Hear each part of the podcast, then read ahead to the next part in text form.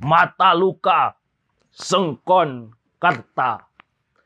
Serupa Mas Kumambang, pupuh mengantarkan wejangan hidup, kecapi dalam suara sunyi menyendiri.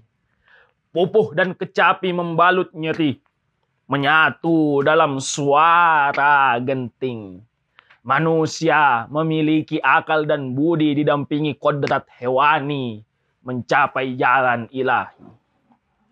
Inilah Mas Kumambang yang melayang, menyelinap ke dasar sanubari menembus dunia fana dan abadi. Terluka, melukai, dilukai, luka-luka, menganga akibat ulah manusia manusia yang menjalankan cerita Tuhan yang menentukan akhirnya. Terengah-engah dalam tabung dan selang.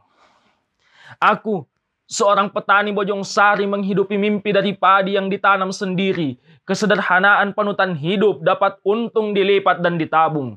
1974 tanah air yang kucinta berumur 29 tahun. Waktu yang muda bagi berdirinya sebuah negara. Lambang Garuda, dasarnya Pancasila Undang-Undang 45. Merajut banyak peristiwa. Peralihan kepemimpinan yang mendesak. Bung Karno diganti Pak Harto dengan dalih keamanan negara pembantaian. Enam jenderal satu perwira enam jam dalam satu malam. Mati di lubang tak berguna. Tak ada dalam perang Mahabharata bahkan di sejarah dunia. Hanya di sejarah Indonesia. Pemusnahan golongan kiri. PKI wajib mati. Pemimpin otoriter, repelita, rencana pembangunan lima tahun bisa jadi rencana pembantaian lima tahun. Di tahun-tahun berikutnya, kudapati penembak misterius tak ada salah apalagi benar tak ada hukum negara. Pembantaian di mana-mana diburu sampai godor di mulut dor di kepala diikat tali di kafani karung penguasa punya tahta yang tidak ada bisa diada-ada. Banyak orang jadi rampok, pencopet, penipu, penjudi, pesugihan, pelihara tuyul, ngepet, saling bunuh atas dasar kebutuhan untuk makan, mencari suaka di tanah sendiri. Ke mana pemerintah? Sibuk membangun. Pemerintah dan rakyat seperti air dan api, saling memusnahkan meski berdampingan, berdampak bagi petani 1971, benih mulai dikomersialkan, pupuk dan obat hama harganya tak sembarang. Iuran ulu-ulu dengan dalih perbaikan irigasi, teknologi ikut-ikutan membebani. Kesulitan benih bagus. Apalah daya, uang pun tak ada. Padi jadi rusak, panen gagal, hama berkeliaran seenaknya. Bagi keluarga kami, inilah musim paceklik mencekik. Akulah sengkon yang sakit. Berusaha mengenang setiap luka di dada, di punggung, di kaki, di batuk yang berlapis tuberkulosis.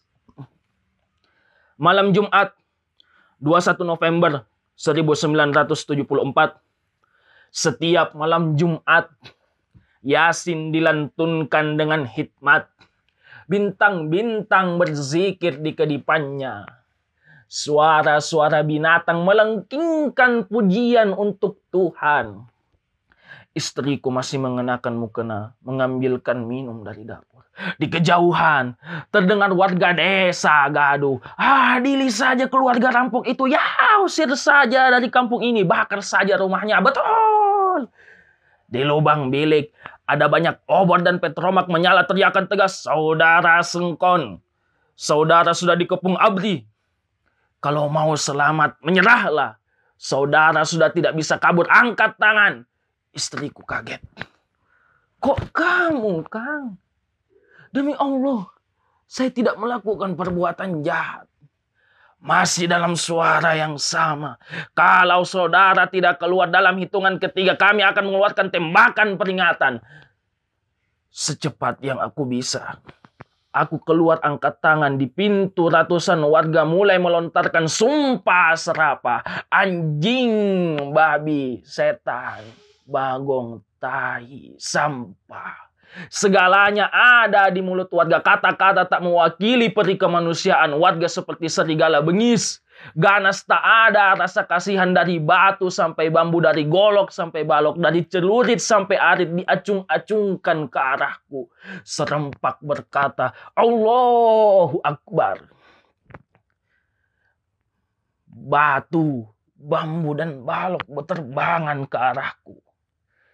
Saudara-saudara sekalian, tolong hentikan. Biarkan pengadilan yang memutuskan hukuman.